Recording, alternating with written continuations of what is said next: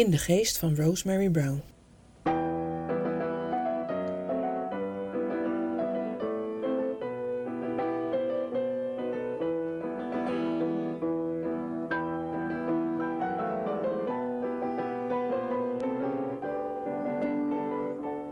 De Britse Rosemary Brown kreeg honderden muziekstukken paranormaal doorgegeven door overleden grootheden als Beethoven, Liszt, Brahms en Stravinsky. In deze podcastserie praat ik, schrijver Vrouwtje Tuinman, met muzici, wetenschappers en Rosemary Brown's familie. We bekijken en beluisteren een hoe dan ook geïnspireerd oeuvre. Aflevering 4. Een vroege Beethoven.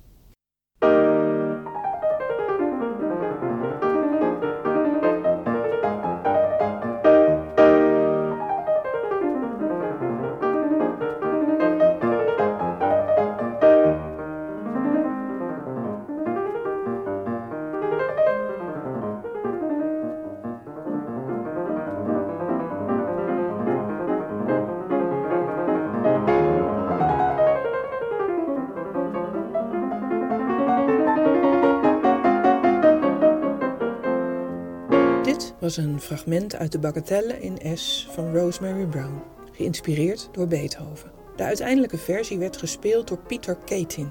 In de British Library ligt de eerste schets voor me. Hij zit vol krassen en typex. In rode letters zegt Rosemary Brown sorry tegen haar muziekredacteur. Sorry voor de rommelige baspartijen. Haar werk met Beethoven is niet altijd makkelijk, zegt ze op diverse plekken. Beethoven is ongeduldig. Hij vindt het lastig te accepteren dat Brown muzikaal niet zo onderlegd is. En het helpt niet dat ze nogal tegen hem opkijkt. Beethoven was lange tijd een gesloten boek voor mij, schrijft ze. Eerst werkte hij alleen op telepathische wijze. Hij bracht de muziek op mij over zonder een woord te zeggen. In de kamer heerste een sfeer van heiligheid. Ik was hierdoor zo overweldigd dat ik me waarschijnlijk niet voldoende voor een gesprek met hem kon openstellen. Het is ook nogal wat als je op dagelijkse basis beroemde mensen in je huis en hoofd ontvangt. Brown krijgt er veel vragen over uit haar omgeving en de media. Waarom zijn het nu juist die historische figuren die zich bij haar melden? Het antwoord is dat ik niet alleen beroemde mensen zie, zegt ze er zelf over. Ik zie doodgewone mensen, mensen die waarschijnlijk pas kort geleden zijn overgegaan. Maar als ze mij hun naam geven, zegt die in negen van de tien gevallen mij niets. Bovendien schijnen het juist de meest extroverte mensen te zijn die het minste moeite hebben om door te komen. En vaak gaan roem en extrovertheid hand in hand. How did you first come to meet Beethoven? Well, Liszt brought him. Liszt, of course, seemed to organize all this work. And um, he introduced us, and I was very nervous of Beethoven. He looked very fierce. And I was rather overwhelmed at being in the presence of such a great musician. Um, but Liszt said the fierce look was simply because Beethoven was concentrating hard to try to communicate.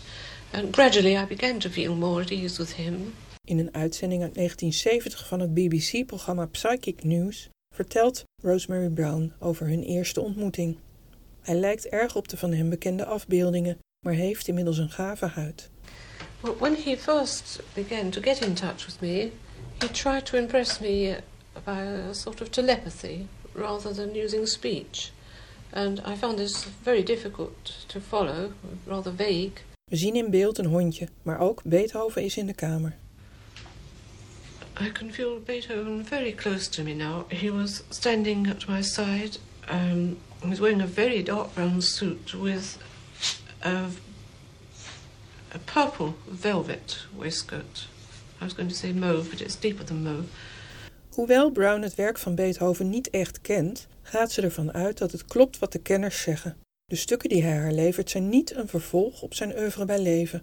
Geen vernieuwing dus ook. Voor haar is dat ook niet nodig. Het ontvangen van de muziek heeft niet per se als doel de wereld artistiek te verrijken. Het gaat veel meer om een bewijs van voortbestaan na de dood. Maar ja, bewijs. Hoe lever je dat? Solve proof, all these dreadful words that I never use. Dit zegt Melvin Willin, muzikoloog. Hij deed twee doctoraten over muziek en het paranormale en publiceerde er een encyclopedie over. Willin correspondeerde jarenlang met Rosemary Brown. Volgens hem een zeer vriendelijke en bescheiden vrouw. Oprecht ook. Voor haarzelf was haar werk 100% echt, zegt hij. Alleen, hoe meer onderzoek Willin doet naar paranormale muziek, hoe meer vraagtekens er voor hem bijkomen.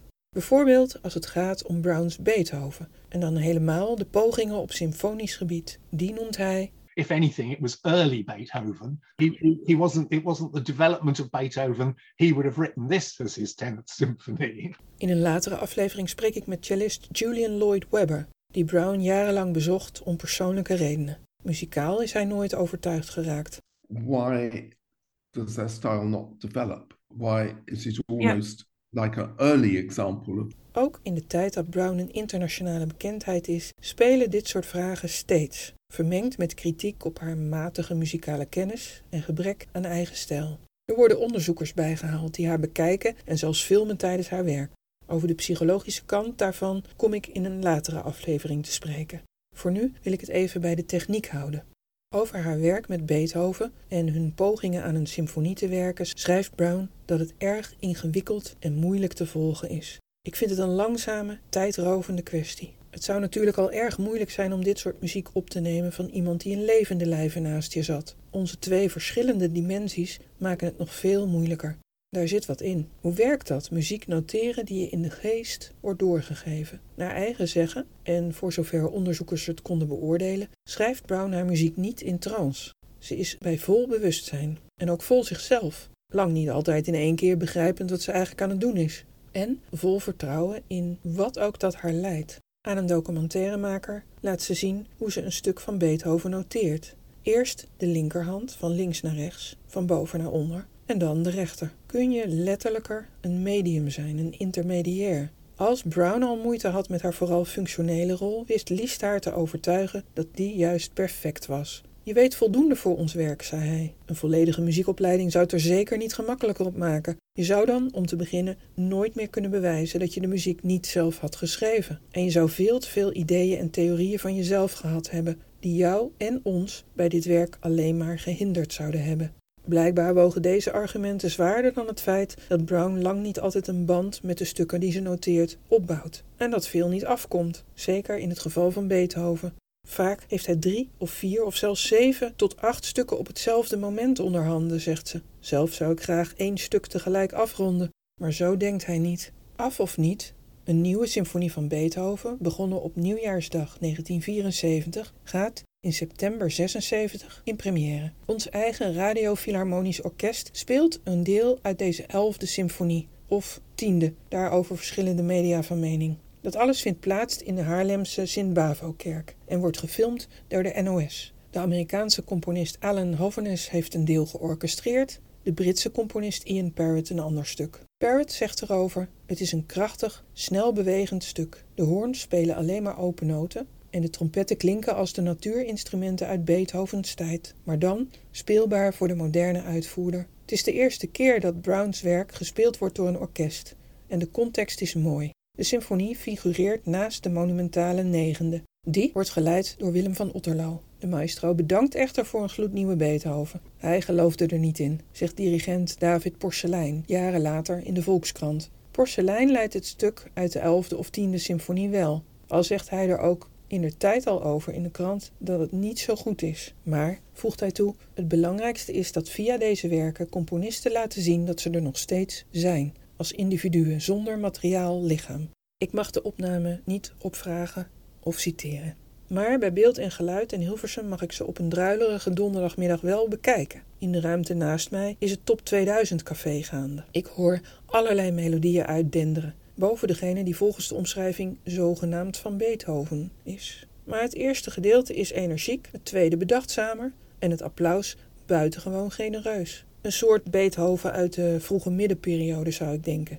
En niks om je extreem voor te schamen. Toch is David Porcelein achteraf gezien niet blij dat hij het werk heeft gedirigeerd. In een interview uit 2003 vertelt hij dat het stuk dobberde en dat het eigenlijk meer Schubert-achtig is dan uitgesproken Beethoven. Als ik hem benader voor deze podcastserie slaat hij af. Een dirigent die ook met Brown werkte en daar wel over wil praten is Carrie Woodward. Ik bezoek hem in Den Haag en hij komt uitgebreid aan het woord in aflevering 6 van deze serie. Woodward zocht rond 1976 meerdere malen Brown op om met haar te werken aan Der Kaiser von Atlantis, een incompleet stuk van Victor Ullmann dat hij in diverse landen zou leiden. Maar ze bespraken ook andere muziekstukken, waaronder een sonate van Beethoven, door Brown opgeschreven, die pianist Howard Shelley graag wilde spelen in Wigmore Hall. Met Rosemary Brown besprak Woodward de manco's. Toen hij op een zaterdagochtend weer langs ging, was er een doorbraak.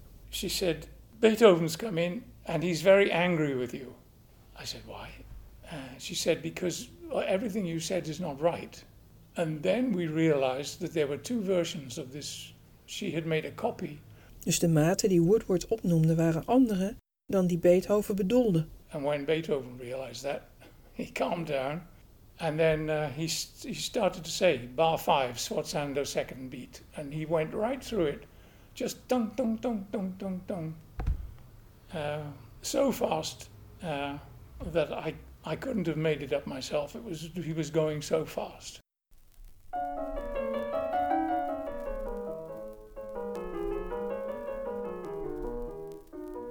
Rosemary Brown's werk roept vragen op die gaan over componeren in het algemeen. Wat is dat eigenlijk?